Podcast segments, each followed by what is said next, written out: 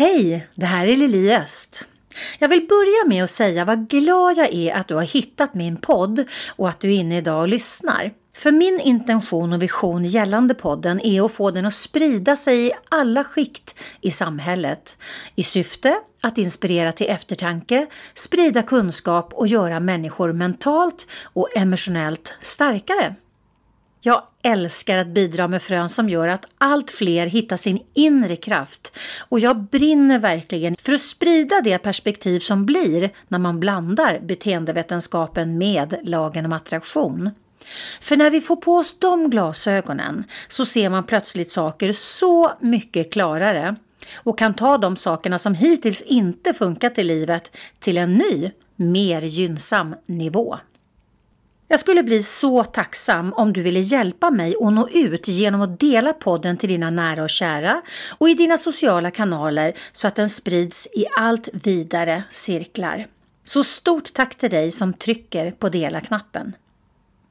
Prenumerera gärna också på min Youtube-kanal Attraktionslagen 2.0. Tryck på gilla och på klockan för notiser. Med detta sagt återstår bara en sak. Att önska dig happy listening och hoppas att veckans avsnitt verkligen kommer att inspirera dig. Varmt välkomna till Attraktionslagen 2.0 med Lili Öst.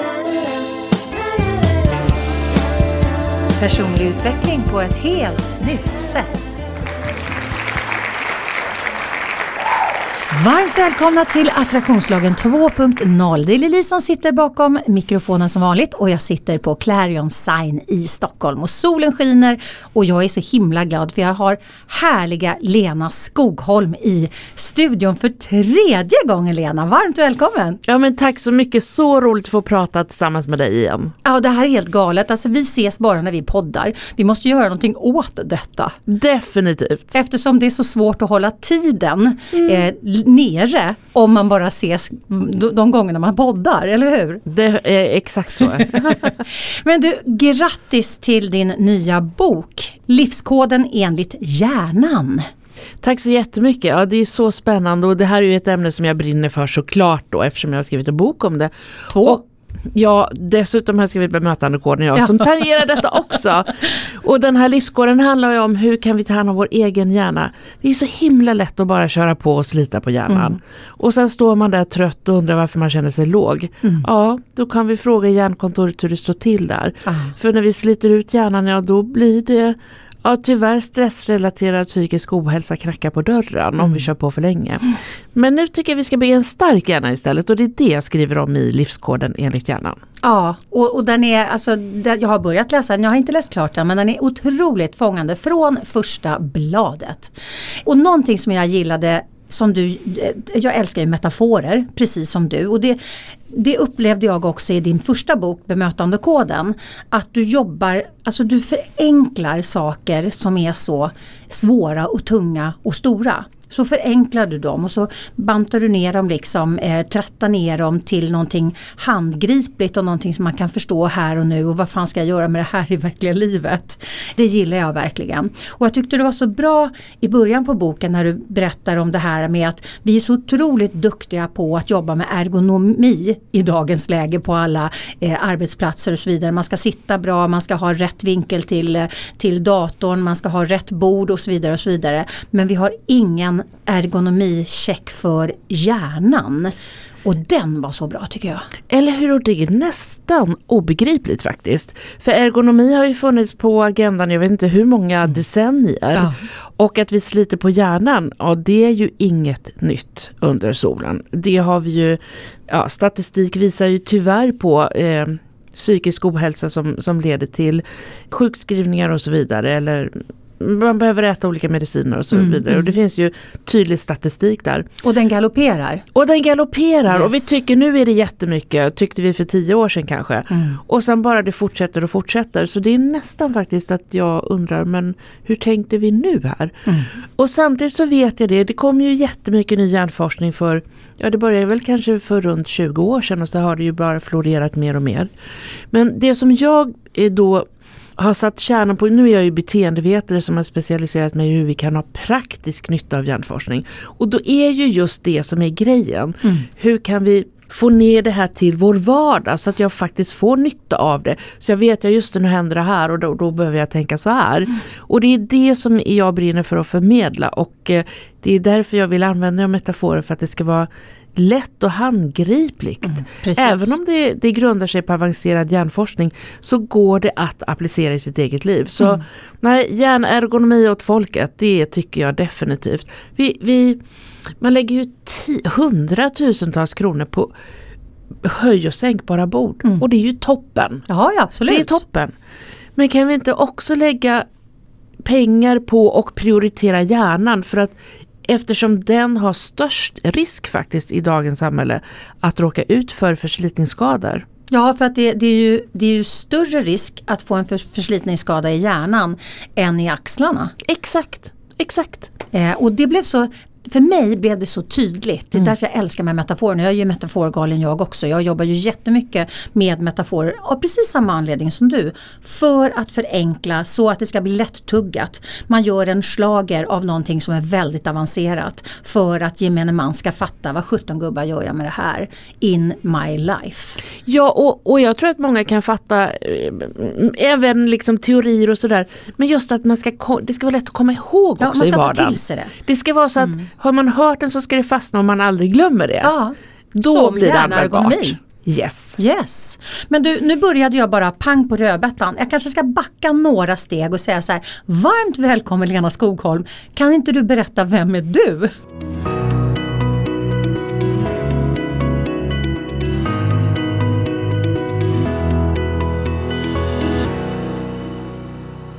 Ja, och då var jag ju lite inne på det att jag är beteendevetare som har specialiserat mig då på den där hjärnforskningen som jag är superfascinerad av. Och det här med hur vi beter oss eh, och vad det får för betydelse, det är något som jag haft med mig, ja, faktiskt ända sedan jag var liten, för mitt första minne handlar om när jag reflekterar över när jag står med mina syskon och min pappa fotar och jag minns hur jag som treåring tänkte så här, åh nu är han så, nu är de här, nu känns det så här. Så att det är på något vis som det alltid funnits med mig. Mm. Och likadant det här intresset för hjärnan, det minns jag när jag var kanske 13-14. Mina föräldrar hade både, ja de hade dels sju barn men även sommarbarn och barnbarn och dagbarn. Alla möjliga barn. Mm. Så det var massa barn där och jag, jag liksom vet att jag reflekterade över att jo men att armar och ben växer det kan man på något sätt omfatta och begripa men vad händer där inne i hjärnan? Mm. Så att det här har liksom alltid följt med mig. Och nu är jag så glad att jag sedan 15 år tillbaka då föreläser om detta och så har jag mm. skrivit eh, ja, två böcker och ett par, tre stycken handböcker också om mm. detta. Annars är jag från Västergötland och eh, har eh, arbetat med lite olika saker. Eh, bland annat varit strateg i Stockholms stad med fokus på bemötande. Och eh, gjort barnprogram i TV4 och TV5. Och du har en musikalisk bakgrund? Ja, du, den är väl... Eh, ja, jag har väl sjungit lite körer och sådär men också jobbat som musik och dramalärare. Ja men eller hur, för att skådespeleriet har du ju också i dig. Mm. Ja. Så att du, du är ju en, en kreativ själ. Och jag, den gillar jag också, den här kreativa delen och den här vetenskapliga delen. Och sen så gör man en merger av de två sakerna och det är då någonstans man blir lättbegriplig. Exakt, där har vi det och det är det jag älskar. att När jag började med det här för 20 år sedan, när jag började tänka i de här tankebanorna, för jag kom i en livssituation som, som gjorde att det eldade på mitt intresse kan man säga. Och det som hände då, det var att hjärnforskning var ändå så pass ny mm. så att man tänkte ju inte riktigt på den, okej okay, hur gör jag i vardagen för att förstå mig själv och, och i bemötande med andra. Men, men just att slå ihop de här två diskurserna eller områdena, mm. då skapas något nytt genom det. Ja. Och det tycker jag är fascinerande. Och det sa Uffe Sandström här för ett tag sedan när jag hade honom i podden, det är det som är kreativitet. Mm. När man sätter ihop saker som inte brukar sätta ihop, sättas ihop. För det är ju det jag gör med beteendevetenskapen och attraktionslagen. För att jag vill zooma ut och se en större bild eh, av någonting som inte där ingen har lagt bilden redan utan att eh, man kan titta på det från ett annat håll och du gör ju precis på samma sätt med, med kreativiteten och med hjärnforskningen. Ja men precis. Mm. Precis. Det handlar om kommunikationen, både i den inre dialogen men också i kommunikationen med andra människor. Mm. Som jag slår ihop med hjärnforskningen. Mm. Och så får vi, ja, det kommer ju ut faktiskt praktiska små guidelines och handböcker. Mm, hur vi kan samarbeta med hjärnan för mm. egen del och med andra. Då.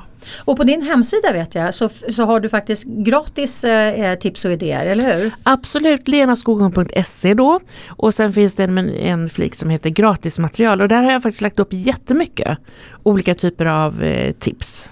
Coolt! Så gå in och botanisera kära lyssnare. Men du den här livssituationen eh, skulle jag vilja titta lite på.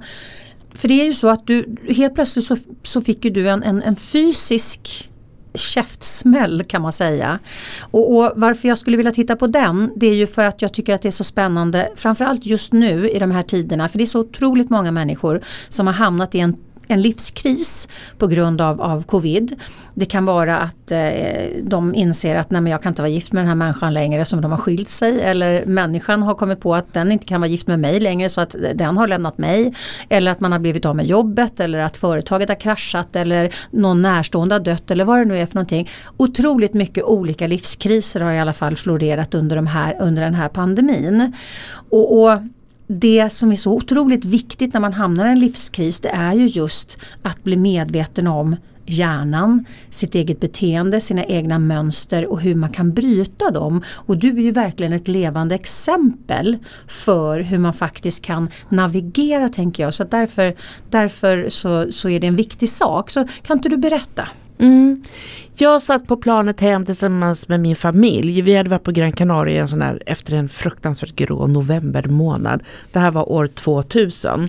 23 december, vi skulle komma hem lagom och fira jul hemma.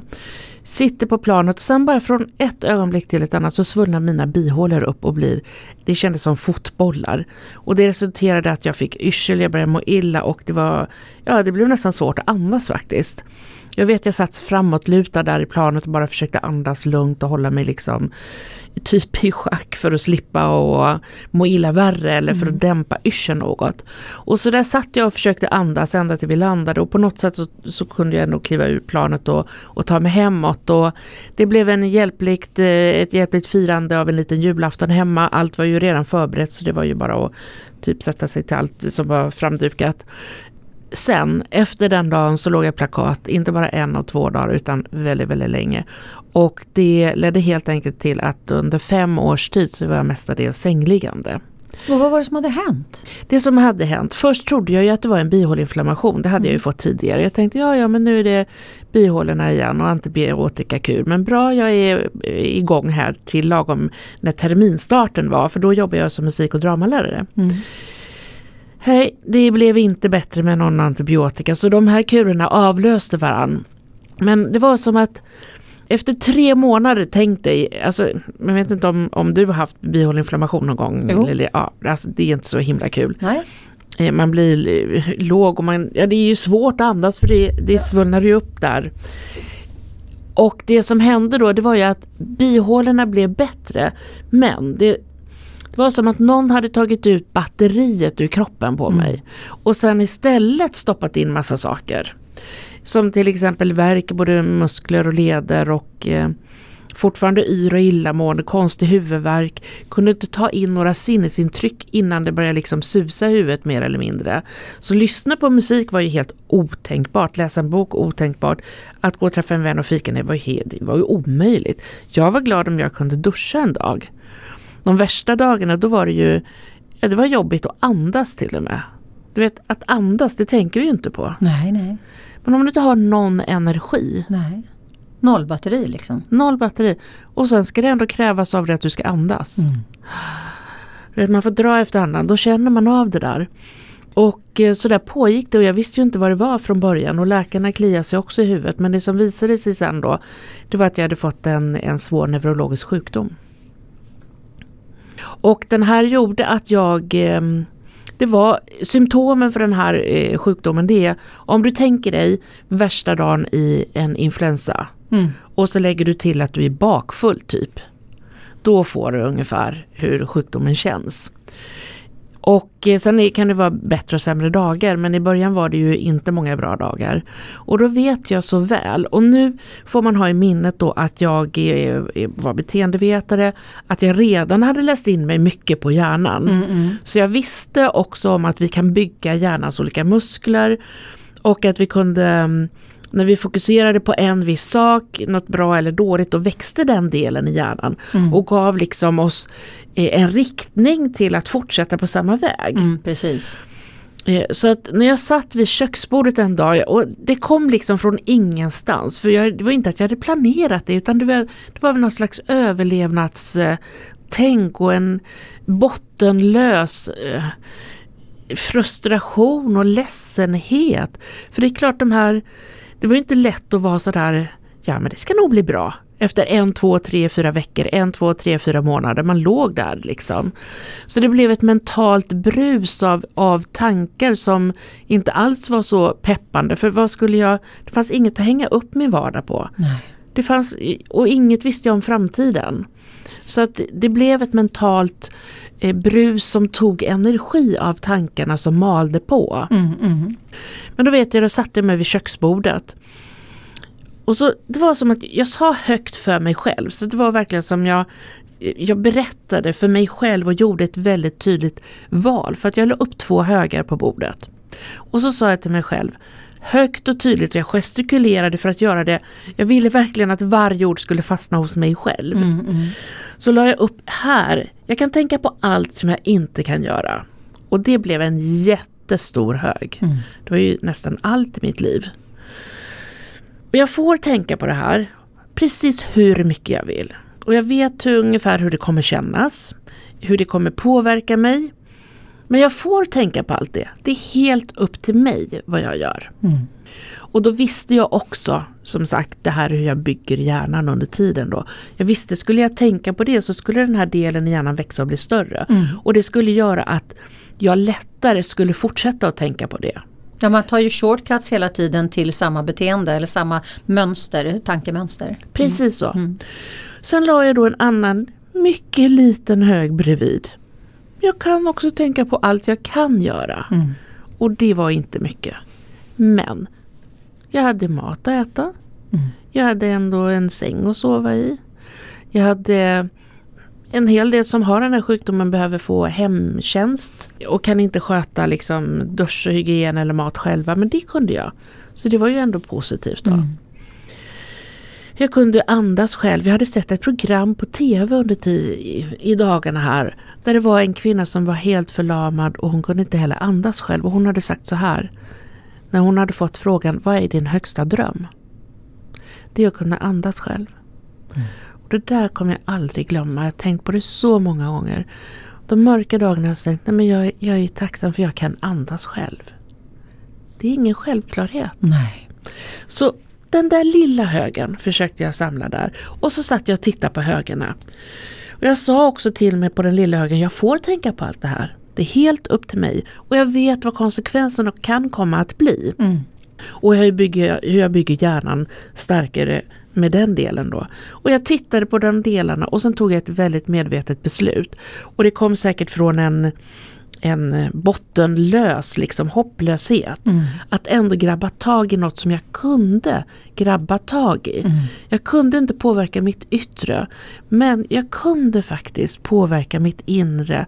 Vilket förhållningssätt och vad jag fokuserade på. Mm. Och det som motiverade mig det var förståelsen av hur hjärnan byggs och hur det påverkar oss. Och det var ju en stark motivator också, förutom att det skulle kännas lite lättare. Mm. Och det är ju, alltså, nu sitter ju du här. Eh, även om du har ju fortfarande samma neurologiska sjukdom. Och, och liksom livet pågår med dig och den sjukdomen. Men du har ju ändå liksom, du har ju tagit eh, kvantsprång i ditt liv sedan 2000. Det måste man ju säga verkligen. Och för att då var det ju under flera år som jag tänkte jag kommer aldrig mer kunna jobba hela mitt liv. Mm. Hade någon berättat om hur mitt liv ser ut idag? Alltså jag hade, jag hade blivit förbannad på den människan och sagt du är inte klok i huvudet, det kommer aldrig ske. Mm. Så tänkte jag då. Och det det gör mig också påmind om att nej men vänta, vi ska inte vara så fast i våra tankebanor. Nej. För vi vet faktiskt inte riktigt. Och det, den här sjukdomen är lite lurig så man vet inte heller riktigt vad är vad och, och man kan få bättre perioder och sämre perioder. Så jag känner mig väldigt ödmjuk inför alltihopa. Men jag vet också att jag har samarbetat oerhört noggrant med min hjärna Mm. hela tiden. För jag förstod att har man en så kollapsad kropp då är starka hjärnmuskler en synnerligen god resurs. Mm. Och det förstod jag. Så att eh, jag har levt med budskapet, eller det jag skriver om i livskoden enligt hjärnan och praktiserat det i snart 20 år. Mm. Och gör så fortfarande för annars så det är för, annars funkar inte min kropp. Nej men det är som att duscha. Man kan liksom inte bara för att man vet att man borde duscha, man duschade i tisdags. Ja, så är det inte liksom eh, veckan efter luktar man inte gott. Precis. Eh, så det är ju liksom ongoing. Mm. Det, är ju, och, och, och det där är så viktigt tänker jag för att Många gånger folk går på, på utbildningar, de går på kurser och de lär sig saker och sen så går de vidare till nästa kurs och så lär de sig saker, så går de vidare till nästa kurs och så lär de sig saker. Men det händer ingenting speciellt i deras liv. Det är ju för att de inte implementerar det de lär sig utan det blir bara liksom, man kör någon korvstoppning liksom på, på vettiga prylar. Och sen så gör man ingenting för att jacka i, att liksom applicera det i sitt liv eh, hands-on. Och, och då, kan man ju, då kan man ju gå ett helt liv och missa hela, eh, liksom hela eh, den, vad ska man säga, verktygslådan som man faktiskt eh, har försökt att skapa för sig själv men inte öppnar. Hamnar du lätt i negativa tankemönster? Tar du ut oro i förskott? Känner du att livet skulle kunna vara så mycket mer men du vet inte hur du ska komma vidare? Då är onlinekursen Ta kontroll över ditt liv med såklart-metoden precis vad du behöver.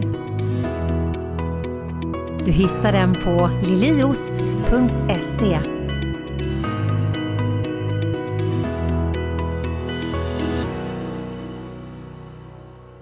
Och det är så himla synd, så därför hejar jag på för att verkligen ta det här med hur hjärnan funkar på allvar. För hjärnan, vet du, den är ju lika formbar som gelatin. Du vet om man gör gelé och så har man lite gelatin i så häller man ju upp gelén i något, ja, i något glas och så får det den formen. Och lika formbar i hjärnan. Och omformbar Och då. omformbar för man kan ju värma gelén och göra om det liksom. Så att det jag tycker är helt superfascinerande och får nästan gåshud så fort jag börjar tänka på det. Så vi kan alltså forma vår hjärna som vi vill den. Layouten på vår egen hjärna den äger vi i vår hand. Antingen är vi medvetna om det eller inte och då tycker jag såklart vi ska vara medvetna om det. Och man säger, hjärnan är plastisk säger man också. Ja, vad betyder det? Om man jämför med elastisk. Ett resårband är ju elastiskt. Så drar man ut det så går det tillbaka om man släpper det sen. Till dess ursprungliga form. Ja, precis. Men plastisk, det betyder att om du drar ut något och släpper då behåller det formen. Så skulle ett resårband vara plastiskt skulle man alltså dra ut det och sen skulle det vara så långt. Tills man drog det åt ett annat håll. Och så är hjärnan. Och det här tycker jag vi verkligen ska ta på allvar. Inte leva våra liv medvetslösa Nej. utan medvetsfulla om den här fantastiska möjligheten. Därför att hur hjärnans layout ser ut det påverkar hur våra liv blir. Till allra högsta grad. Och, och där kan jag bara, om jag blandar in mitt perspektiv med attraktionslagen och tittar på det ur ett energiperspektiv. Det samarbetar ju med våran hjärna. För att det, alltså det, det, det är ungefär samma sak. Det vi, vi eh, matar hjärnan med, det matar vi ju även universum med. Vilket betyder att vi får ju samma effekt från båda två. Så när vi samarbetar med hjärnan och samarbetar med attraktionslagen då får vi ju en enorm katalysator i rätt riktning. Och det är det här som är så spännande att förstå att jag kan faktiskt äga den här frågan. För det var ju lite det du gjorde.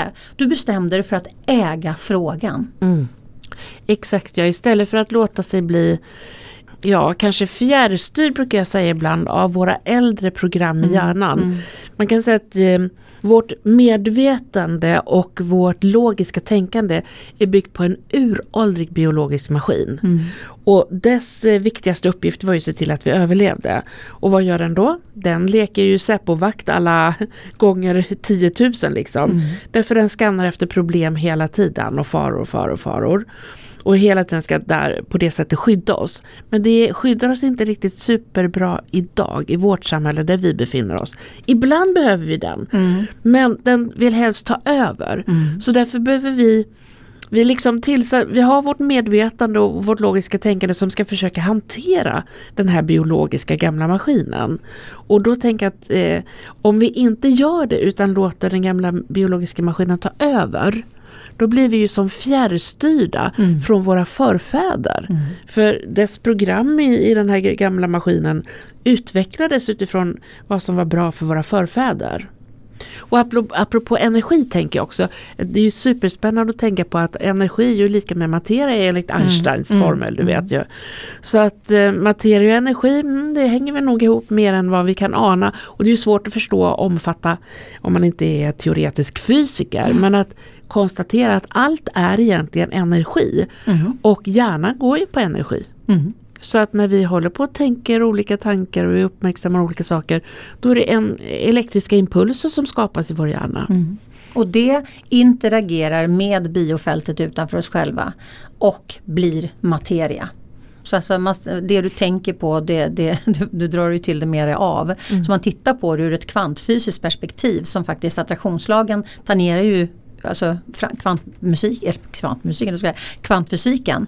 Eh, så att ju mer vi kan zooma ut och titta på en större bild och se att det här hänger faktiskt ihop. Det finns klara tydliga korrelationer. Vi, vi, kan ta en helt annan kontroll över oss själva. Jag pratar ju också väldigt mycket om att vi, vi har allt att vinna på att bli medvetna tänkare.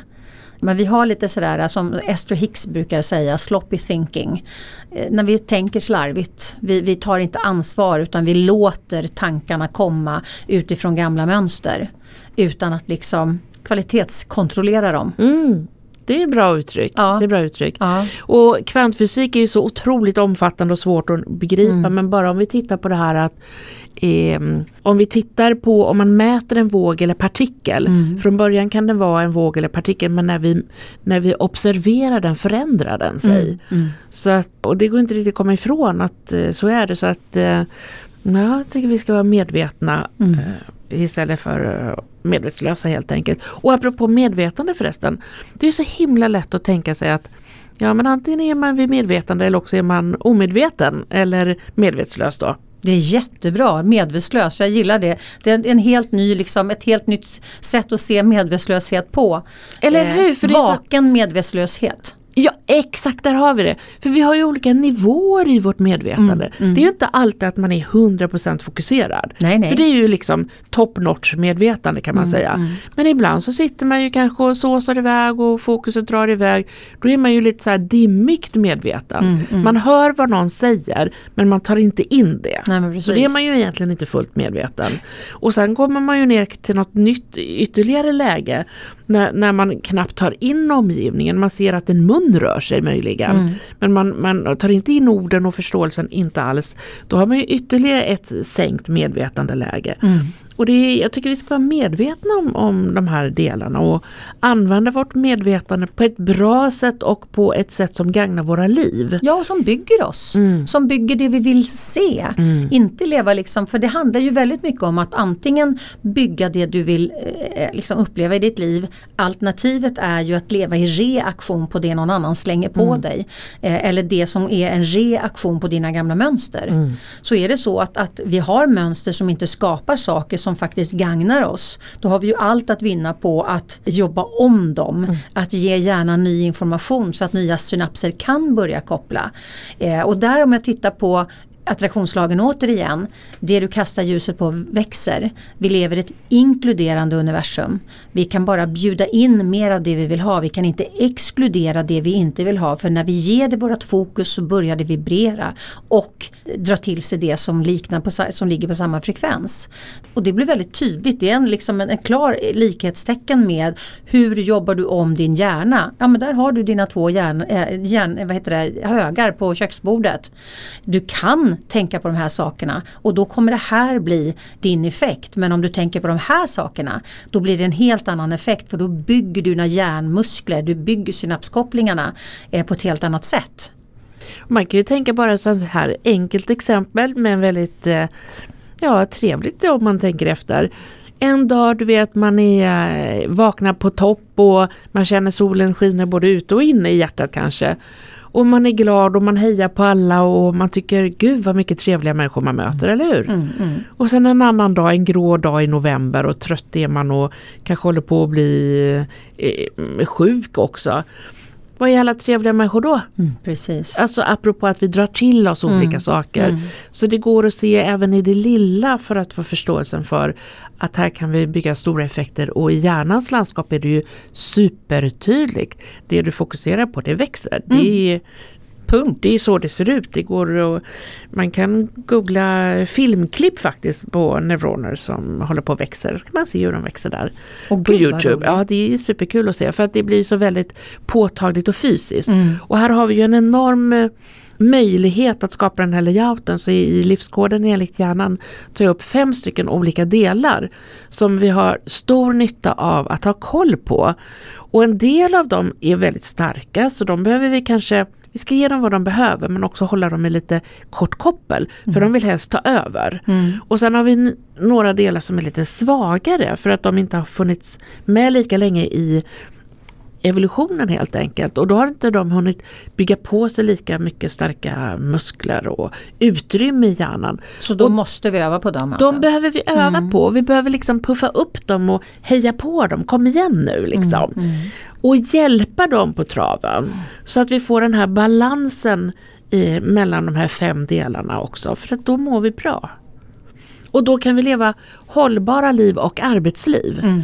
Det är när de här gamla programmen tar över som är starka och vi, vi, vi missar att liksom ha vältrimmade system av de här, det är två nya delar framförallt och som är, är nyare och svagare. Och när vi missar att hålla dem vältrimmade och sköta om dem, ja då knackar den där psykiska ohälsan på dörren faktiskt. Jo, för då blir alltså, man tänker på hur vi är programmerade eh, för att eh, eh, hantera ett liv tusen år tillbaka eller tusentals år tillbaka kontra vad det är för någonting vi hanterar idag. Det är ju det. De är ju enormt skilda, eh, skilda åt liksom så att det är inte så konstigt egentligen. Det skulle vara konstigare att vi inte gick in i väggen eller blev liksom, drabbade av psykisk ohälsa om man tittar på liksom Det är ungefär som att eh, ja, men det, det, är så, det, är så, det är sån dissonans mellan det vi har och det vi, eh, alltså våra verktyg och vad vi ska använda dem. Det är ungefär som att, att, att använda en, en, en eh, en gaffel till att käka soppa med. Mm, mm. Och här tänker jag, jag lyfter ju, jag pratar ju om tre delar i hjärnan utifrån ett utvecklingshistoriskt perspektiv. Ja men kan inte du dra dem för de är så himla bra. Ja. Det, det handlar ju också om liksom vad som byggs i barnet eh, och vad vi sen tar med oss fram och sådär. Det är otroligt tydligt och klart. Så you go girl. Yes. Du lyssnar på Attraktionslagen 2.0. Personlig utveckling på ett helt nytt sätt. Reptilhjärnan tror jag är ett begrepp alla känner igen. Ja. Där har vi ju den äldsta delen i hjärnans landskap, fanns hos reptiler. Och eh, det är den första delen som utvecklas i, i när vi är foster i mammas mage. Eh, sen byggdes ju däggdjurshjärnan på om man tittar i evolutionen. För 200 miljoner år sedan så gjorde ju däggdjuren entré och då kom det nya delar. För att de hade ju andra kvaliteter eller funktioner än reptiler. En stor sak som skiljer dem åt, är reptiler är ju solitärer och däggdjur är flockdjur. Mm, mm. Är man flockdjur, vad måste du ha koll på? Flocken såklart då. Mm. Och här uppträdde känslocentret på ett nytt sätt. Det här är ju naturligtvis en förenklad oh ja, del ja. Mm. Eh, och det är ju mycket mer komplicerat men, men vi kan ändå utifrån ett beteendeperspektiv se ganska tydliga avtryck av de här tre delarna i vardagen faktiskt med olika beteenden. Mm. Så här var ju Känslocentret växte starkt, man hade koll på känns det bra mellan dig och mig i flocken, bland flockmedlemmarna. Hade koll på relationer jättemycket. Och sen så utvecklades så småningom vi människor. Och vad fick vi för nytt? Vi fick ju en enorm logisk eh, funktion Mm. och ett medvetande. Vi kan reflektera över oss själva på ett unikt sätt. Så här växte både framloben och hela hjärnbarken på sig ordentligt. Och jag kallar de här, den här sista delen för människohjärnan. Mm. Däggdjurshjärnan brukar jag kalla för aphjärnan. Bara för att det ska vara superlätt att komma ihåg i vardagen. Mm. Naturligtvis inget nedvärderande. Och nu kommer en superviktig sak. Cellerna i människohjärnan, i dess spjutspets, den allra senast utvecklade delen i hjärnan. De cellerna är extremt dyrbara. Varför? Därför att de har otroligt hög ämnesomsättning. Det vill säga att de kräver mycket energi. Mm. Och vad är det vi, vi bearbetar, processar i människohjärnan? Det är vårt logiska tänkande, det är informationshämtning, det är förändringar, det är medvetna beslut. Nu ska vi ta beslut igen om någonting och nu kommer ny information igen. Och så ska vi hålla oss uppdaterade på 50 uppdateringar och sociala medier och andra medier. You name it. Man blir trött. Mm. Samhället som det ser ut idag, det har aldrig någonsin slitit så på hjärnan eller människohjärnan som det gör idag. Den är väl, får jag fråga, den är väl inte riktigt byggd för så här vansinnigt mycket information samtidigt, Nej, men exakt. konstant. Den är ju, den är lite sena uppdateringar i hjärnans landskap så det var väl 40 000 år sedan senast. Så Mm. att vi behöver hjälpa hjärnan på traven. Mm, mm. Så ju mer yttre brus tänker jag, ju starkare inre ankare behöver vi. Mm. Ställa oss vid rodret i våra liv och hjälpa vår människohjärna nu. Inte låta den få bli bombarderad av allt utan nu ska vi vakta den och vårda den, ömma för den. Och Jag tänker lite som barn. Föräldrar har ju omsorgsansvar för sina barn. Man ska se till att de får sömn och de får näringsriktig mat och de får leka och få det här sociala. De får lära sig saker. Det är ett ansvar som föräldrar har. Tar inte föräldrar det ansvaret, då får de inte ha kvar sina barn. För det, det krävs att vi, vi ska ge barn omsorg. Mm. När barn blir vuxna, då, ja, vem har omsorgsansvaret nu om personen? Det är ju vi, Det är man själv. fast Och jag tror att många glömmer det. vi glömmer det. Bara så, oh, när, jag, när jag själv börjar tänka på i de här termerna, liksom omsorgsansvar. Hoppsan, jaha, här gäller det nu. Jag fattar liksom. Nu gäller det att vi steppar upp och tar ett riktigt fint omsorgsansvar om oss själva. Mm. Och när samhället driver på att köra över hjärnan och det är ju inte så att det sitter någon, någon, någon, någon person med en spak som har bestämt att nu ska det bli så här. Utan det är ju, ett samhälle är ju något som vi människor tillsammans har skapat. Mm. Och som vi också förhåller oss till. Japp. Och som vi också kan skapa om Yes. ja, och utveckla. Då tänker jag så här att när vi har en samtid och ett samhälle som gärna kör över vår hjärna Mm. med tanke på information och allt det här som vi nämnde om så tycker jag att då behöver vi verkligen steppa upp och ta det här omsorgsansvaret om oss. Mm. Då blir vi också förebild för våra barn och unga. Mm. Vi blir förebild för andra i vår omgivning. Och vi liksom står upp för hjärnan. Ja, jag tänker, för, för ett tag sedan, ganska länge sedan nu, men då var det ju sån här kampanj, rör inte min kompis. Mm. Jag tycker vi ska ha en ny kampanj, rör inte min hjärna. Vi gör såna knappar som vi kan sätta på, på kläderna. Yes. för nu ska det vara slut med att hjärnan körs över. Jag tycker det och då kan man tänka sig men det är inte så himla enkelt som individ. Nej det är det inte. Men var ska vi börja? Mm. Precis. Och jag tycker att vi måste börja samtidigt på alla nivåer i samhället. Mm. Så varje individ där den står får ta sitt ansvar. Mm. Jag kan ta ansvar för mig. Är du chef eller om du är ledare på olika nivåer, då har du ett större ansvar och kan ta större beslut, eh, ta beslut som får vidare konsekvenser. Mm. Mm. Och här finns möjlighet att lägga in hjärnergonomi som en del på arbetsplatsen, Mm. vilket jag verkligen tycker det är hög tid med. Ja, heja dig Lena. Yes. Tillsammans för starka hjärnor. Yes. Hur öka? Nej, men, och där, där, tänker jag också för att jag har ju, jag har ju vurmat i många år för att, att kommunicera att vi överhuvudtaget i, inom business behöver ta ner det, eller inom corporate behöver vi ta ner det i, i individnivå. Vi kan inte liksom, vi kan inte bara prata företag och team utan vi måste ner i individnivå för att förstå var är individen tankemässigt, känslomässigt, förhållningsmässigt, fokusmässigt och så vidare. Eh, där går man ju inte riktigt ner ännu, fortfarande 2021. Jag är helt fascinerad över det. Men när vi gör det och där, alltså det hänger ju ihop med hjärnergonomin. Precis så, för att hjärnergonomi, om vi fortsätter att titta på de här tre delarna. Mm. Vi behöver vårda och ta hand om vår människohjärna och här skriver jag om i, i livskoden enligt hjärnan att vi kan göra det på två sätt. Det ena är att vi ser till att inte slita på den i onödan mm. och får återhämtning. Och här beskriver jag fem tydliga verktyg som är lätta att direkt bara ta till sig och göra. Och jag har gjort dem själv i så många år och det ger stor effekt, mm. verkligen. Kan, kan du dra de här eller vill du att folk ska läsa dem i din bok? Jag kan nämna två stycken. Ja, perfekt. Eh, det, den ena är så här, ha koll på högfokus, lågfokus och vila. Det vill säga att under en dag så ser du till att du har högfokuserade pass, lågfokuserade pass och vila. Och med vila så betyder, betyder det inte att sova. Nej. Utan det ska vara vila under dagen. Och då Mång betyder det utan eh, input? Yes, mm. utan input. För att om, så fort vi öppnar en eh, skärm, mobil eller någonting, då är det ju massa information mm, som knackar mm, in, eller mm. hur? Och det blir inte vila för hjärnan. Nej. Nej. Eh, och här gäller det då, alltså hur många gånger har man själv inte haft och hur många gånger har du inte hört medarbetare säga det? Det är högfokuserat läge hela arbetsdagen. Mm, mm.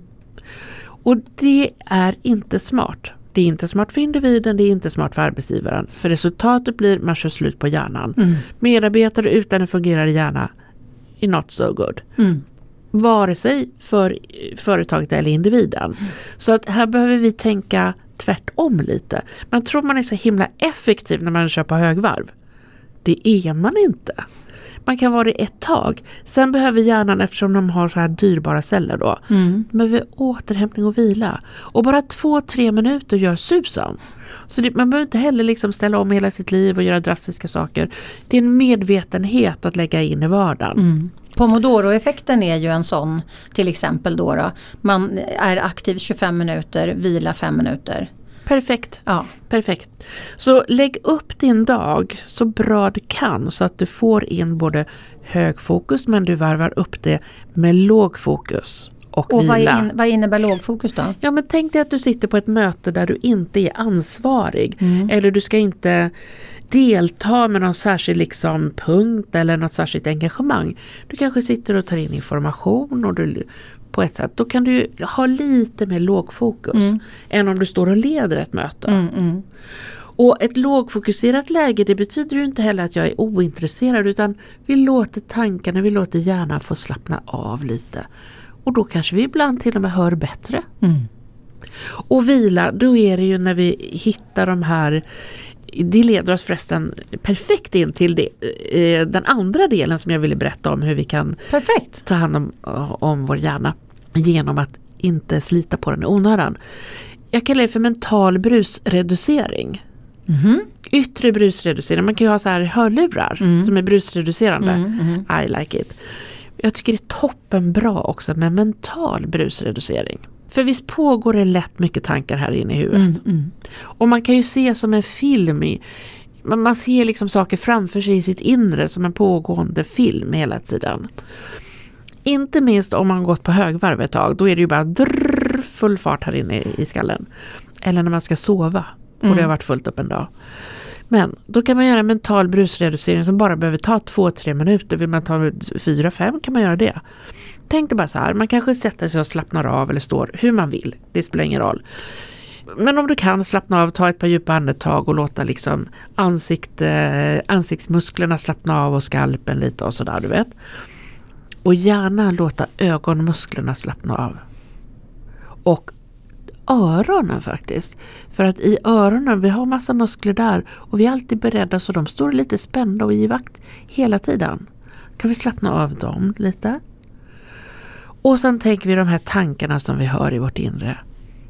Vi skruvar ner volymen till noll. Så även om tankarna finns så hör vi dem inte. Det är som att tvn står på men vi har dragit ner ljudet. Mm, mm. Och sen kan du göra samma liknande med eh, bilden i ditt inre, filmen i ditt inre. Dra ner ljusstyrkan till noll så det blir svart bild. Mm. Det är som att tvn står på men du hör inte ljudet och det är en svart bild. Då får du lugnt i ditt inre.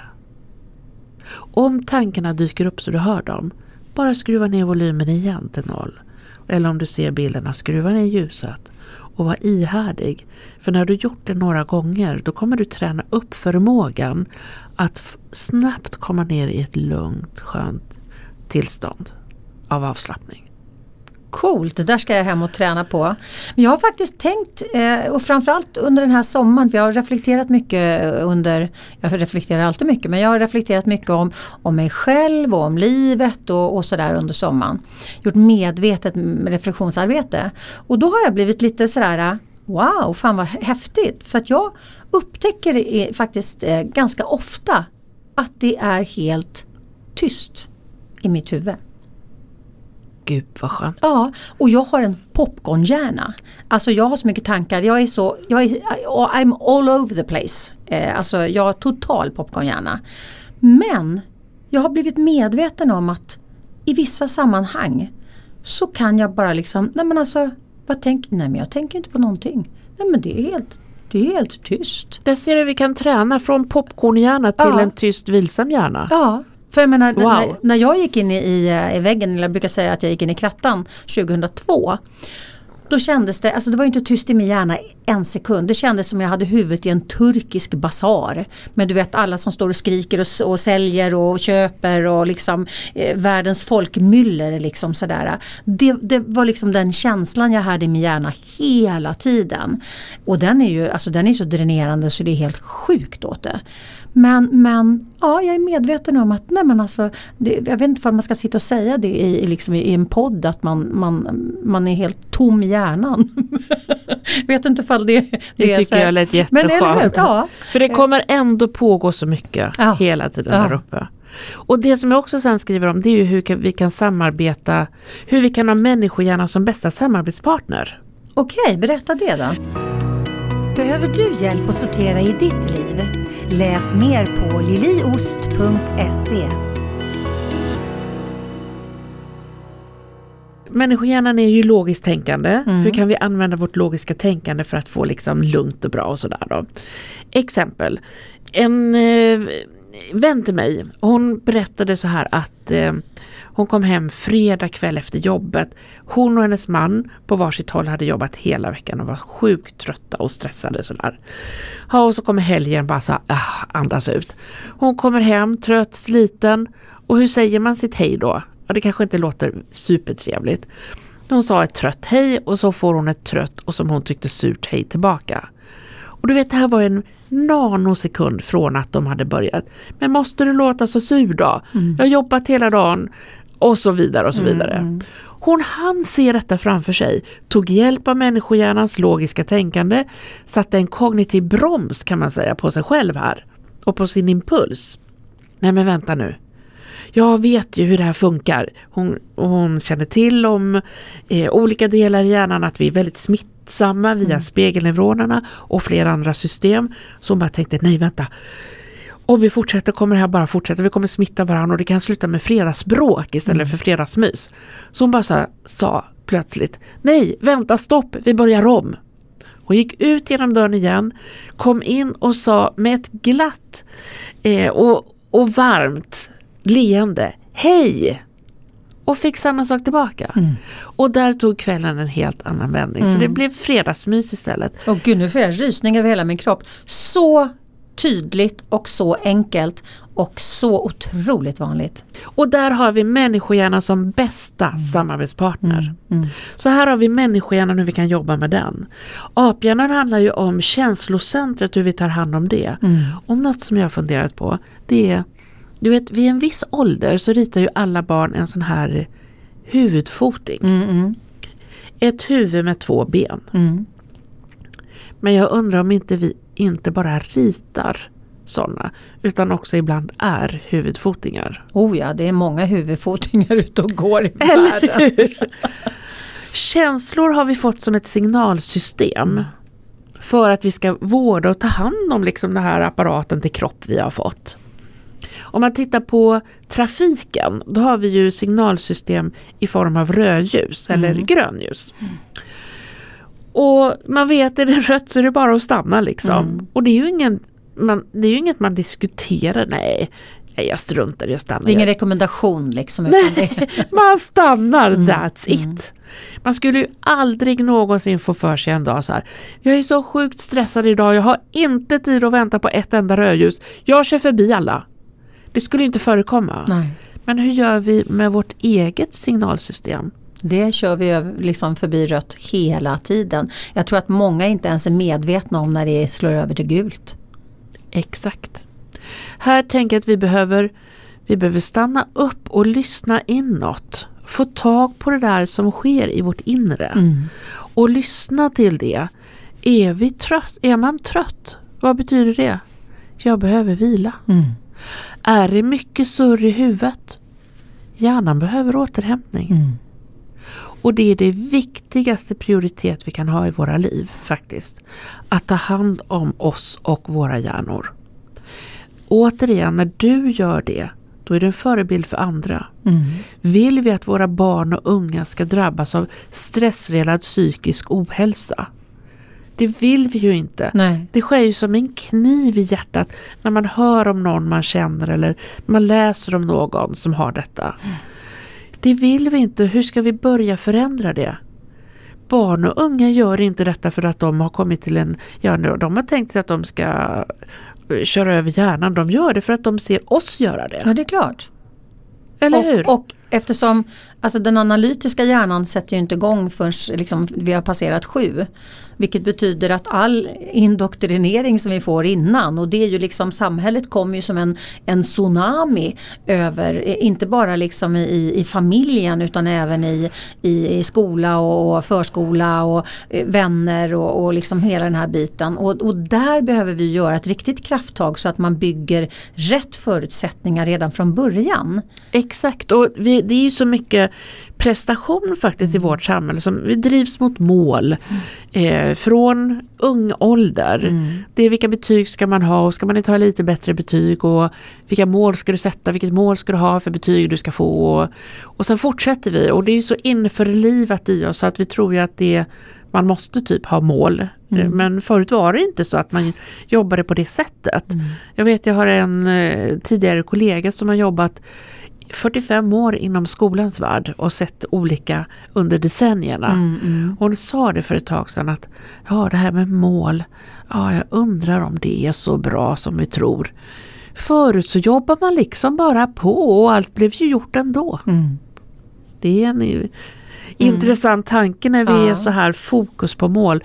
För mål gör vi att vi blir lite Mål, när vi sätter mål, det är ju inget dumt i sig, det är ju toppen.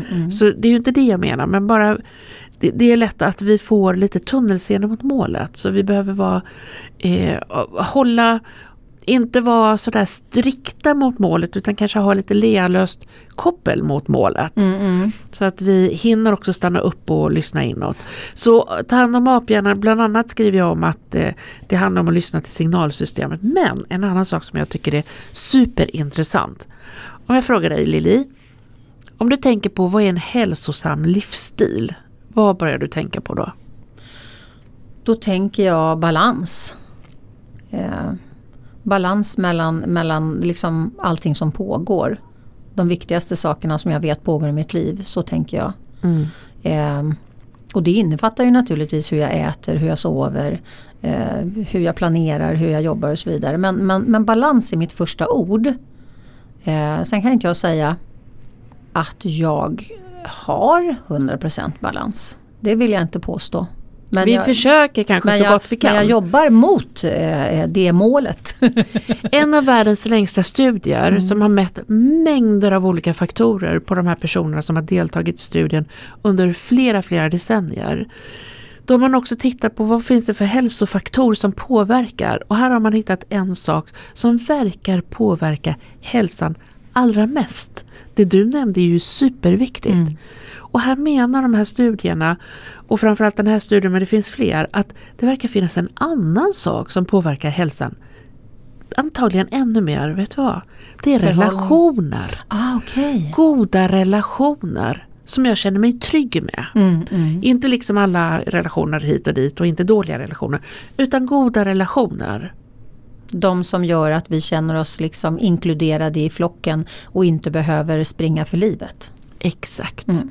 För aphjärnan utvecklades ju ihop med flockdjuren, gjorde mm. entré, däggdjuren. Mm.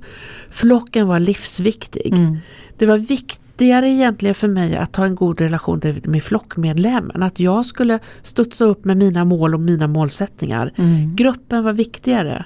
Att vi människor har tagit över egentligen jorden över djur och natur. Var det för att vi har starkaste individen eller starkaste gruppen? Mm. Starkaste gruppen. Mm. Relationer. Och ibland undrar jag i vår tid när vi går mycket mot prestation.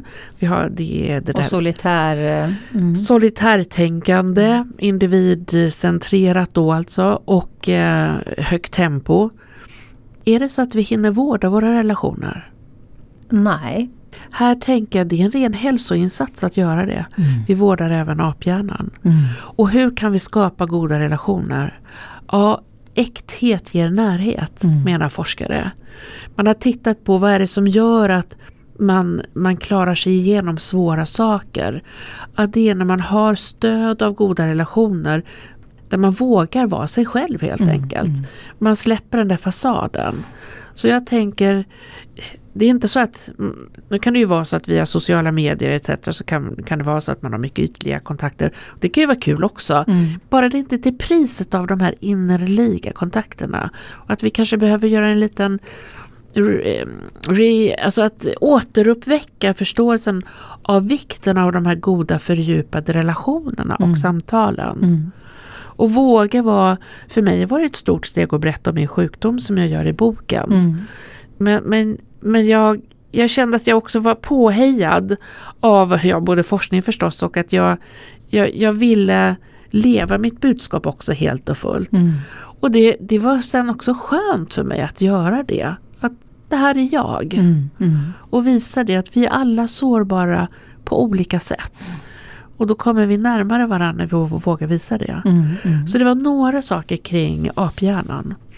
Otroligt viktiga, otroligt viktiga att reflektera över tänker jag. Och där är också om man tittar återigen på liksom hur lever vi vårt liv idag. Just för att vi, vi är mycket ute i sociala medier. Man har liksom man har sitt eh, liksom, gäng på LinkedIn och sen har man sitt gäng på Facebook och sen så på Instagram, nu eh, TikTok, många hänger där. Och sen så för att inte tala om liksom, eh, sina fysiska kontakter med, man ska liksom hålla kontakt med, med gäng och så vidare. Och så vidare. Det blir väldigt, väldigt, väldigt många människor att knyta an. Vilket betyder att jag tänker att det är lätt att man inte då knyter an. Utan det blir en väldigt svag anknytning. Mm. Och, och, då behöver den balanseras upp med några, några där du har en djup anknytning till. Alltså jag känner väldigt, väldigt mycket människor. Men jag har en väldigt liten klick som jag hela tiden återskapar eh, med. Eh, mm. liksom, eh, där har vi nyckeln, ja. att vi får den, den balansen också. Ja. Och vad, vad gäller reptilhjärnan har vi ju egentligen redan varit inne på det, för det handlar ju om reptilhjärnan sköter ju vår fysik kan man säga. Mm. Den ser till att hjärtat slår, inre organ fungerar, att vi andas och så vidare utan att vi behöver tänka på det. Då.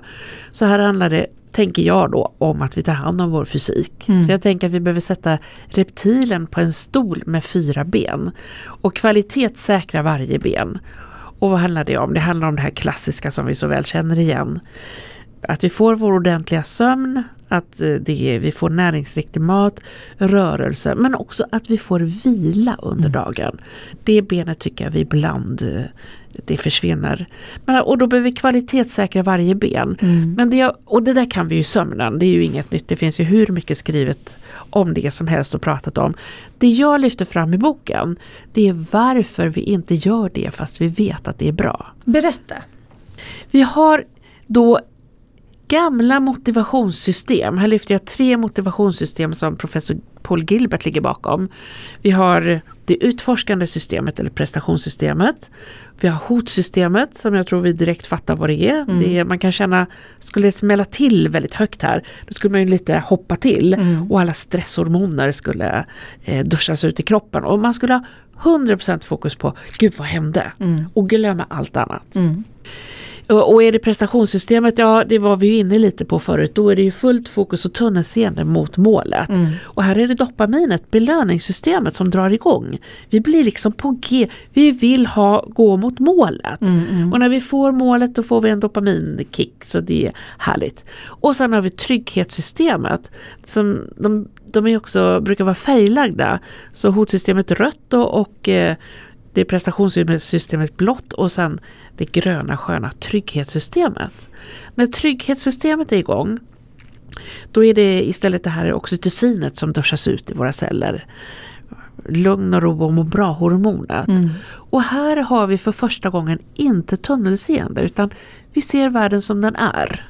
Så om man tänker sig så här, våra förfäder på savannen. De, de eh, blev jagade av ett lejon, springer för fulla muggar. Men, men de passerar en jättevacker blomma på savannen. Kan de se blomman när de springer från lejonet? Såklart inte. Nej. För de har bara lejonet, faran i huvudet. Och sedan har vi då, vi säger att det kurrade i magen hos våra förfäder. De begav sig ut på jakt, fick kon på något byte. Och de passerar igen blomman. Men ser de blomman nu? Nej. Det är helt omöjligt. Mm. Nu är det fullt fokus på bytet. Och det är först i det gröna sköna trygghetssystemet som vi kan både ladda våra batterier och få syn på den vackra blomman. Mm. Då har vi inte detta tunnelseende. Och eh, vårt samhälle, det behöver man ju inte vara Einstein för att förstå, det driver på det blå prestationssystemet. Ja, mm. det här, vi behöver ju bra balans mellan dessa system och vi har alla. Och vi behöver ju hotsystemet och prestationssystemet och trygghetssystemet för att funka liksom. Mm. Det är bara det att i vårt samhälle, om man tänker sig att det är som en inre färgkarta vi har av dessa tre system, då kan man fundera på hur stor del får hotsystemet hos mig? Om 100% blir totalsumman, hur många procent får det här?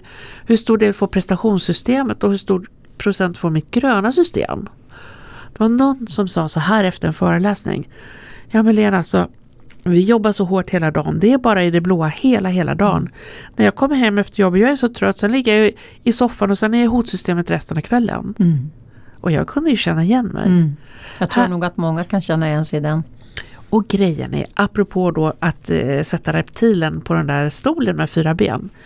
För att kunna ta hand om oss med, med både sömn, vila, rörelse och eh, näringsriktig mat. Då behöver vi ju ta medvetna beslut, eller mm. hur? Mm. Eh, medvetna och kanske långsiktiga beslut när vi har tänkt efter. Vi behöver göra lite strategier och planering så vi får in detta. Gör man det i hotsystemet? Nej. Nej. Gör man det i prestationssystemet? Nej, för där springer vi redan mot målet. Mm, mm, mm. vi är liksom på mot målet redan. Så där har vi den där begränsade uppmärksamheten som ställer till det. Och vi tar bara medvetna, genomtänkta beslut egentligen när vi är i det gröna trygghetssystemet. För det är då vi ser hela bilden? Då ser vi hela bilden. Mm. Tänk om jag då lever i det blå och det röda. Hur blir det med mina medvetna beslut då? Mm.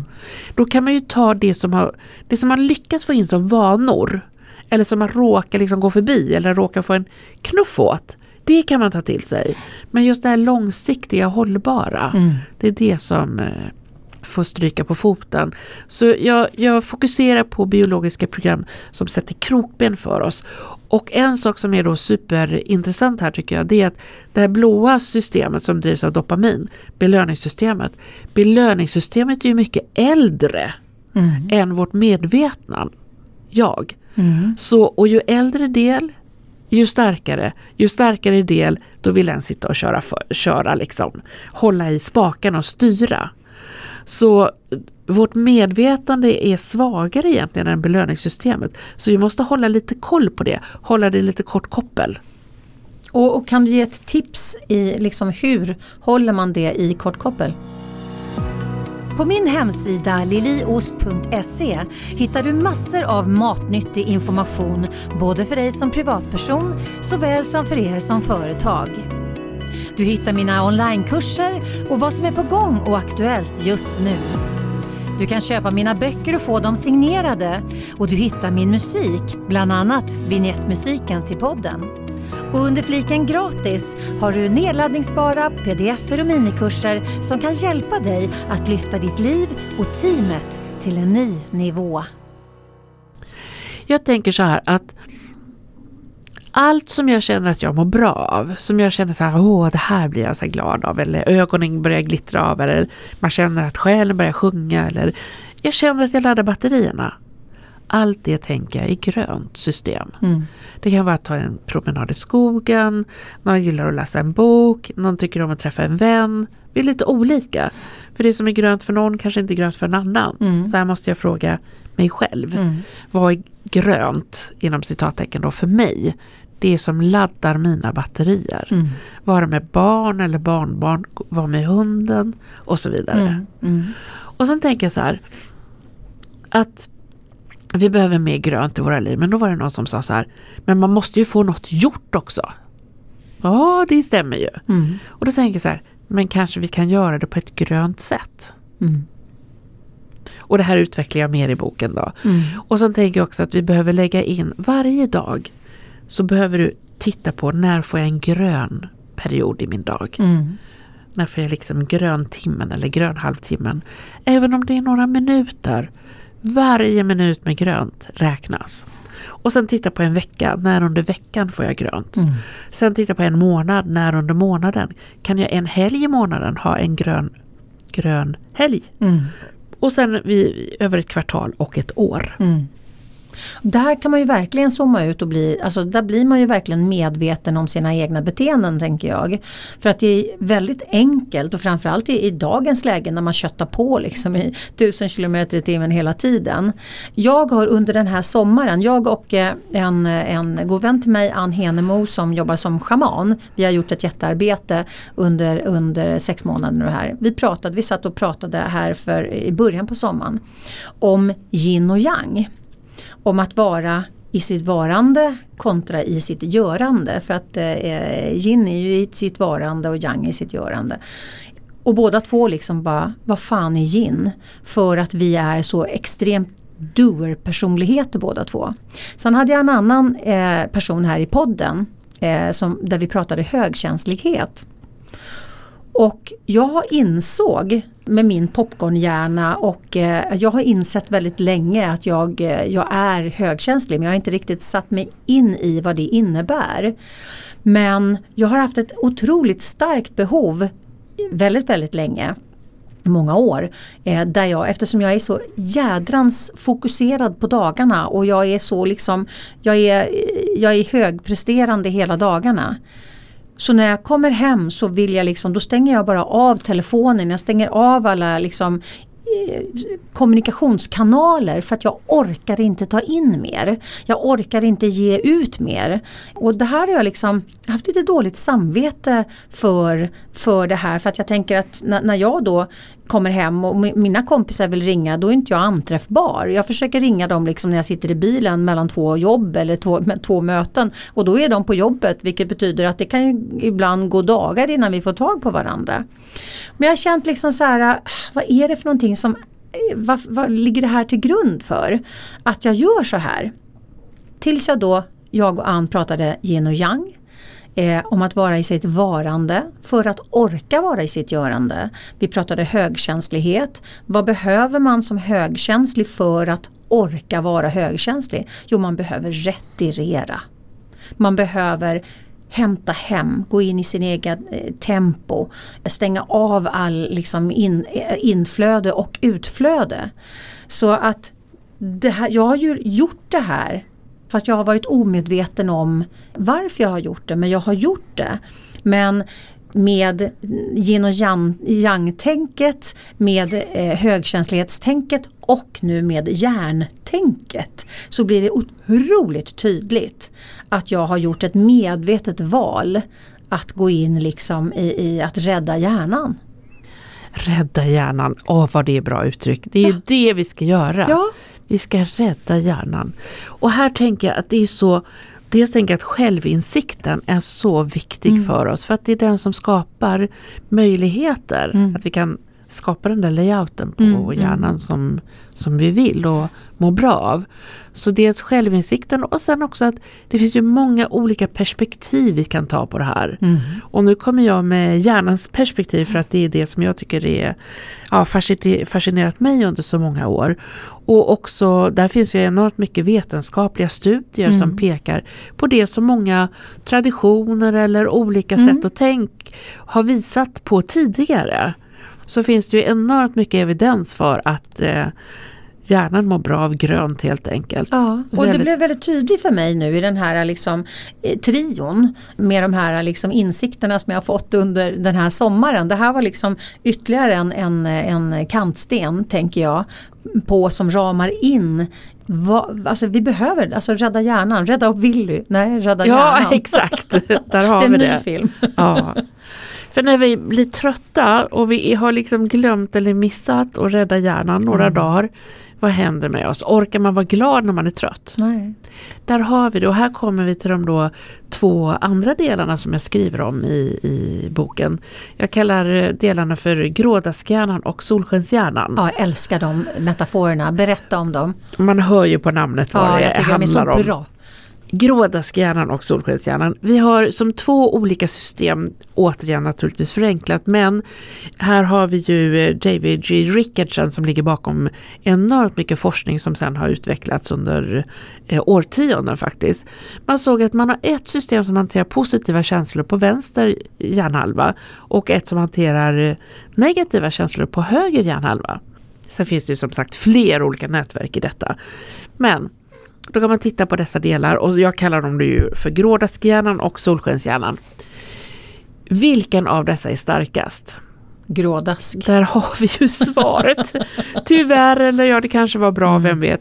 Här har vi det som jag nämnde tidigare att äldre del desto starkare och grådaskhjärnan hänger med den här urgamla biologiska maskinen och har funnits med oss så länge och är den som letar efter fel och problem för att få oss i säkerhet. Mm.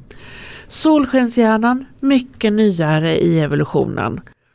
Har inte funnits med länge och verkligen behöver vår hjälp för att utvecklas. Mm.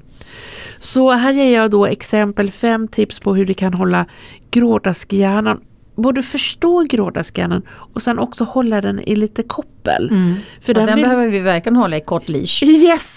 För den vill ju bre ut sig och vara herre på täppan. Den tycker väl, herregud solskenshjärnan, du har inte gjort någon nytta, du har inte räddat något liv. Bort med dig, jag tar över. Mm. Det är grådaskhjärnans melodi. Mm. Så vi behöver hålla den i kort koppel så den inte brer ut sig. Förstå den här delen hos oss. Som när jag satt vid köksbordet. Mm. Jag, jag visste att de här delarna fanns. Och sen har jag lärt mig mer om dem under årens lopp naturligtvis. Men, men jag, jag hade en aning om dem. Mm. Och när vi fokuserar på det, om jag hade fokuserat på det jag inte kan, då hade min grådaskhjärna växt. Mm. Men jag valde, vilket jag är otroligt tacksam för och det var säkert en överlevnadsstrategi. Jag valde att se det jag kunde. Mm. Jag valde solskenshjärnans perspektiv. Och det här, det var ju som det var för mig. Det var ju inte att jag ändrade det yttre. Jag ändrade attityd till det som hände mig. Mm. Och det orkar man inte alltid om hjärnan har kört slut på sig helt och hållet. För då tappar vi vår möjlighet att välja. Så redan här förstår vi att det är superviktigt att på minsta möjliga sätt ta hand om hjärnan så att jag åtminstone kan göra medvetna val. Ja, för jag brukar säga att, att negativt fokus kommer per automatik. Positivt fokus är ett medvetet val vi behöver göra i varje given stund. Exakt så. Och det tar energi att göra de valen. Mm, mm, Grådaskhjärnan, det krävs ju ingen energi. Du vet, man kan ju komma in i negativa spiralar. mm, mm. Det krävs ju inget sån där medvetet beslut, nu ska jag nog komma in i en negativ spiral. Nej. Och det krävs ju ingen energi. Det går per automatik som du säger. mm. Men det krävs viss energi av att lyfta blicken. Mm. Så här tänker jag, här ska vi ha Och hjärnan vill ju spara energi. Hela tiden. Mm. Så vi får gå emot lite där, hjärnans förutsättningar då. Så här behöver vi ha, få balans mellan grådaskhjärnan och solskenshjärnan. Och balansen, om man tittar på dess biologiska programmering, är ju inte top notch. Utan där är det grådaskhjärnan som väger tyngst helt Mm, enkelt. mm. Så vi behöver ha ett vä en vältrimmad solskenshjärna. Så jag ger fem tips på hur du kan hålla både förstå och hålla grådaskhjärnan i kort koppel och sedan hur kan du få en vältrimmad solskenshjärna. Lysande. Kan du, kan du avslöja något av tipsen? Ja men absolut. Var medveten om att grådaskhjärnan, apropå sociala medier vi pratade mm. om tidigare, då finns det ju så olika filter man kan lägga på på sina bilder för att de ska bli finare. Mm. Grådaskhjärnan har också filter. Ett enda. Och det är grått. Mm. Det lägger ett grått filter på allt du är med om. Vi behöver förstå det. Och då se till att vi lyfter bort det där gråa filtret mm. och välkomnar solskenshjärnans perspektiv. För när vi gör det då får vi en mer balanserad bild på, på vår omgivning och hur det är. Så det är ett exempel. Och sen finns det flera. En annan sak till exempel det är ju se upp lite för det här med att medälta. Absolut! Tittar jag på det ur ett energiperspektiv så är det inte ett vinnande koncept kan jag säga. Självklart handlar ju inte det om när någon mår dåligt och vi behöver stötta varandra. Nej, Absolut inte. Det är en helt mm. annan sak. Utan de gånger man fastnar i något, man kan väl säga någonting som man, åh det var jobbigt någonting om det har fastnat, någonting jobb, har hänt liksom som man vill typ gnälla av sig lite. Och sen får det vara färdigt. Mm. Men det är lätt att detta fastnar, men det går på en sån där gammal LP-skiva ja. som går på repeat. Ja. Eller om det var ett hack i skivan mm. och man fastnar liksom. Mm. Se upp för faran för att där bygger du både din egen och den andres grådaskhjärna. Och här kan vi istället vara hjälpsamma och lite lyfta pickuppen så att vi tar ett annat spår mm. och får att vi kan hjälpa till att begränsa grådaskhjärnan och istället lyfta in solskenshjärnans mm. perspektiv. Byta låt helt enkelt. Byta låt. yes. Alltså det där är så tydligt tänker jag. Och om man tittar på människor som har fastnat i ett negativt flow. Eh, det finns ju människor som är, nu gör jag hunddörren här, inom situationstecken verklighetsanknutna. Ja. Det brukar oftast folk som har fastnat i ett negativt flow eh, kalla sig själva. Där man ser verkligheten inom situationstecken igen eh, genom krassa glasögon. Det betyder att man har lagt på det här jävla grå filtret. Det är grådaskhjärnan liksom har tagit kommando. De njuter inte lika mycket. De, de eh, gläds inte lika mycket för att man har lagt på det här dämpen. Det är som att liksom spela piano med nattdämp. Det går inte, du får inte de här klangerna om du har satt en dämp på pianot. Och det blir ju lite samma sak, eller hur? Det, absolut ja. Jag var föreläste för ett tag sedan i, hos en grupp och där var det vi pratade om grådaskhjärna och solskenshjärna lite runt det, eh, fördjupade det på olika sätt. Och så, så var det någon som sa, men varför, men varför, man måste väl ändå få lyfta problem? Och här förstod jag att det här handlar inte om att lyfta problem.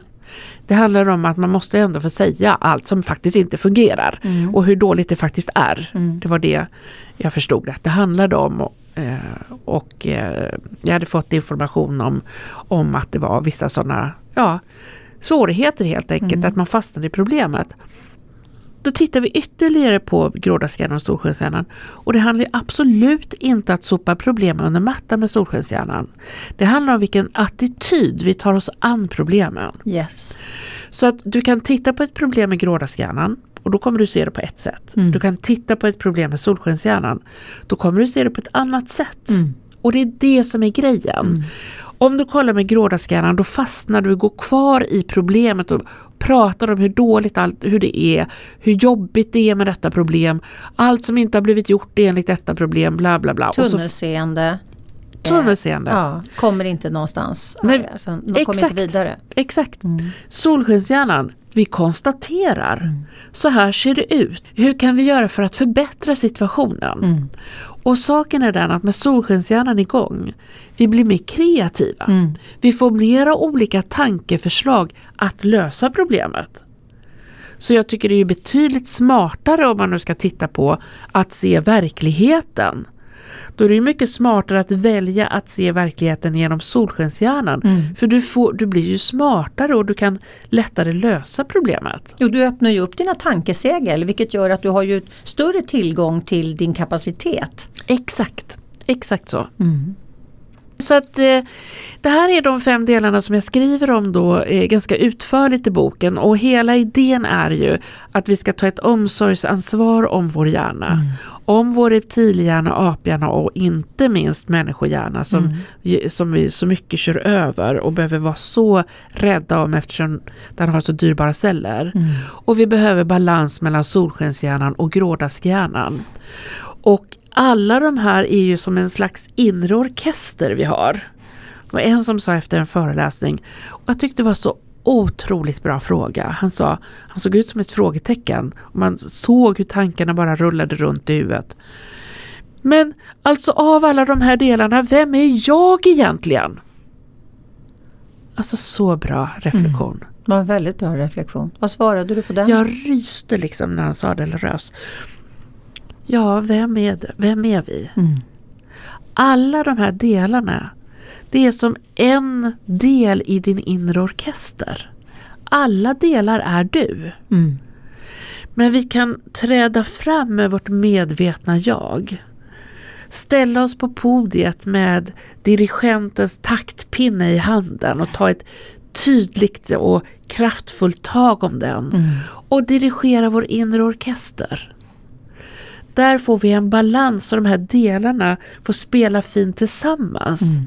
Det handlar inte om att stänga ute någon del. Det handlar inte om att låta någon del ska ta över.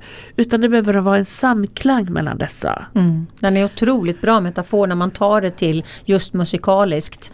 Eh, det blir väldigt tydligt när man pratar musik. Eh, sen kanske det är tydligt för mig för att jag har den bakgrunden jag har. Supertydligt för dig. Ja. Och då tänker jag också om vi fortsätter lite med den. Ska vi ge taktpinnen till någon annan? Mm.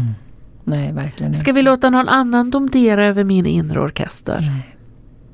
Här tycker jag att vi behöver jag tycker man ska fråga efter hjärnergonomi på sin arbetsplats. Mm.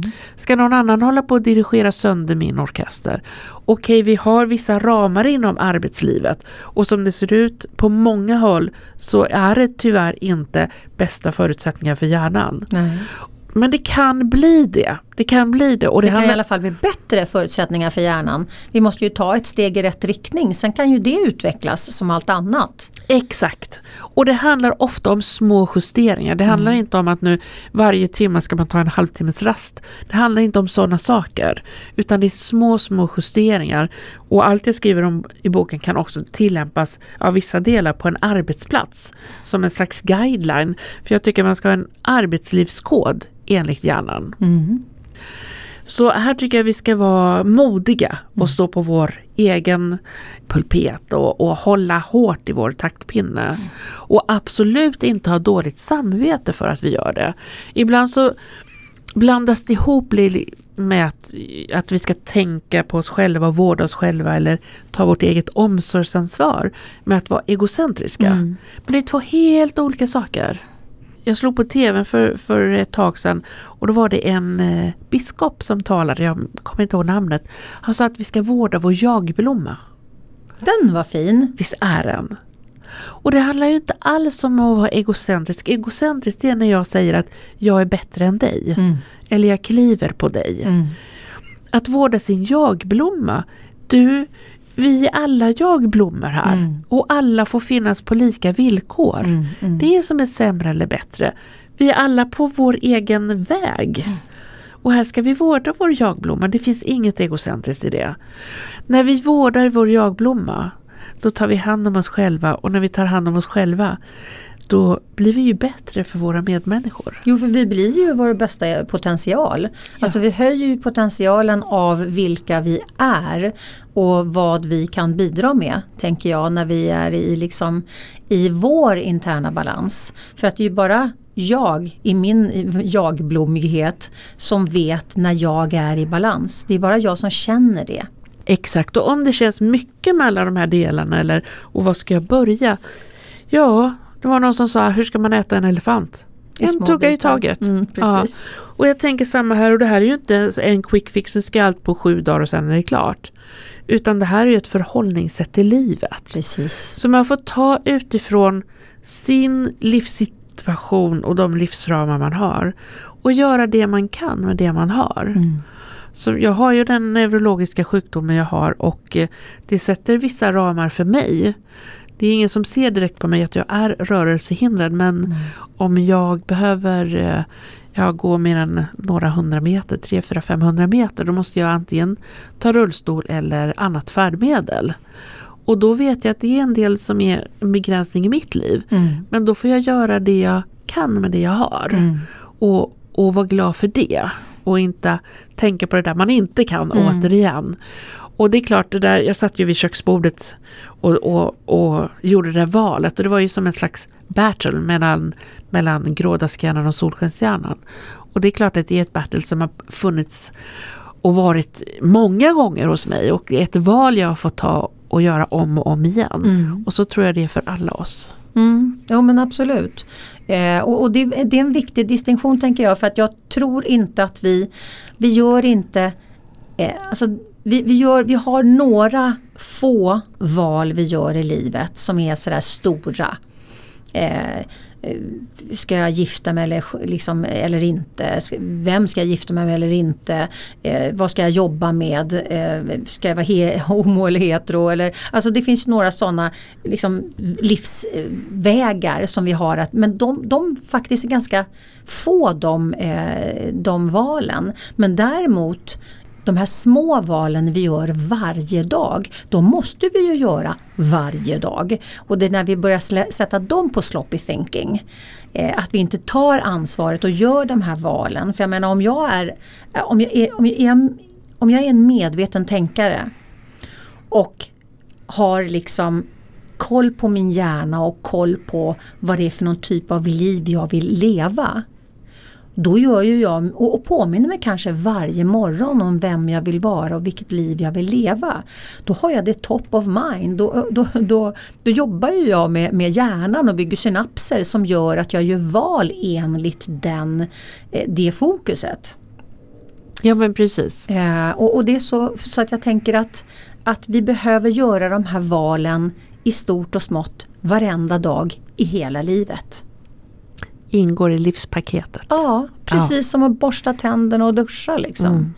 Men ju, ju, ju fortare vi förstår, tänker jag, med våra moderna hjärnor nu, att, att hjärnergonomi är lika viktigt som eh, den egna sanitära hälsan.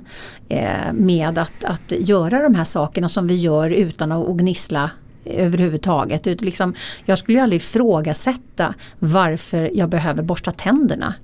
För jag vet varför.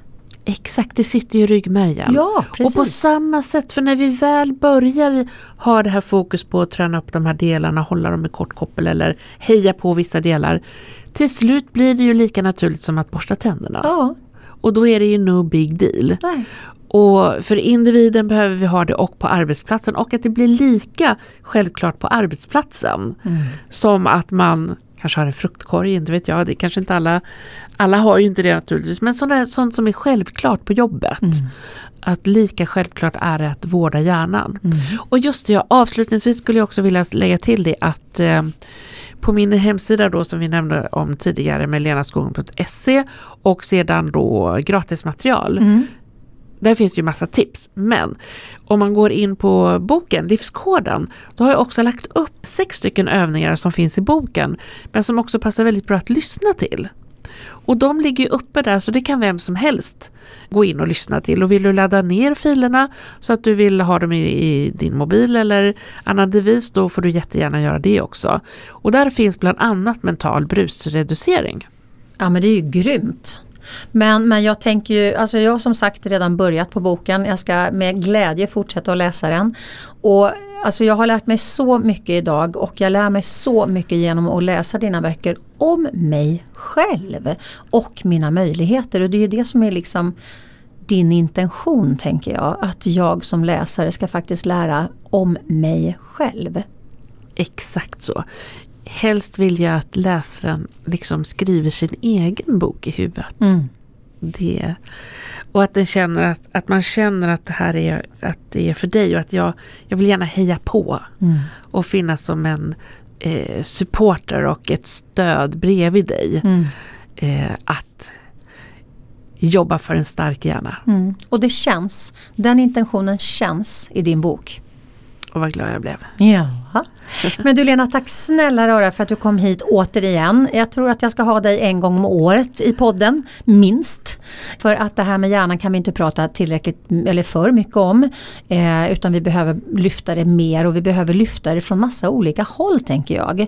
Eh, så att eh, eh jag kommer definitivt fråga dig eh, att du kommer tillbaka till mig och eh, vi tittar på det ur ett annat perspektiv som, som kan hjälpa. För det handlar ju om att varenda gång vi skruvar på det så lär vi oss någonting nytt. Eh, så att jag tänker att det går att skruva ganska många varv. Eh, Här kan vi skruva många varv och jag kommer som ett skott Lili. Ja, det är bra. Men du, varmt lycka till med boken och eh, med allt annat också. Och tack snälla du som lyssnar och varmt välkommen tillbaka nästa vecka. Hej då! Säg hej då. Hej då! Du har lyssnat på Attraktionslagen 2.0 vill du supporta podden, gå in på liliost.se supporter. Och tycker du att det vi pratar om här i podden är viktigt, dela gärna i dina kanaler. Tänk efter lite grann. Hur har du det omkring dig nu? Är du nöjd? Är du nöjd med det du har? Var är du i ditt liv? Har du funderat på att ta ett annorlunda kliv? Känner du som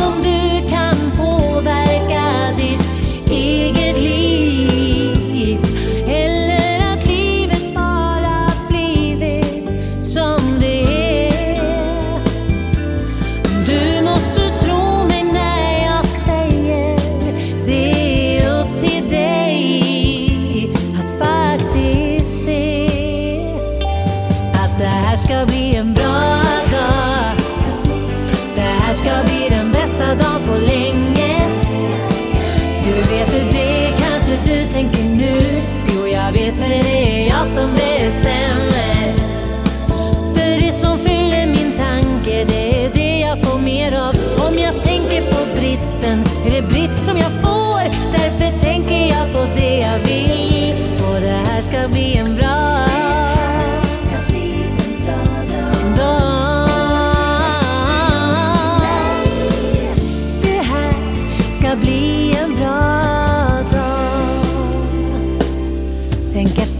Lite grann.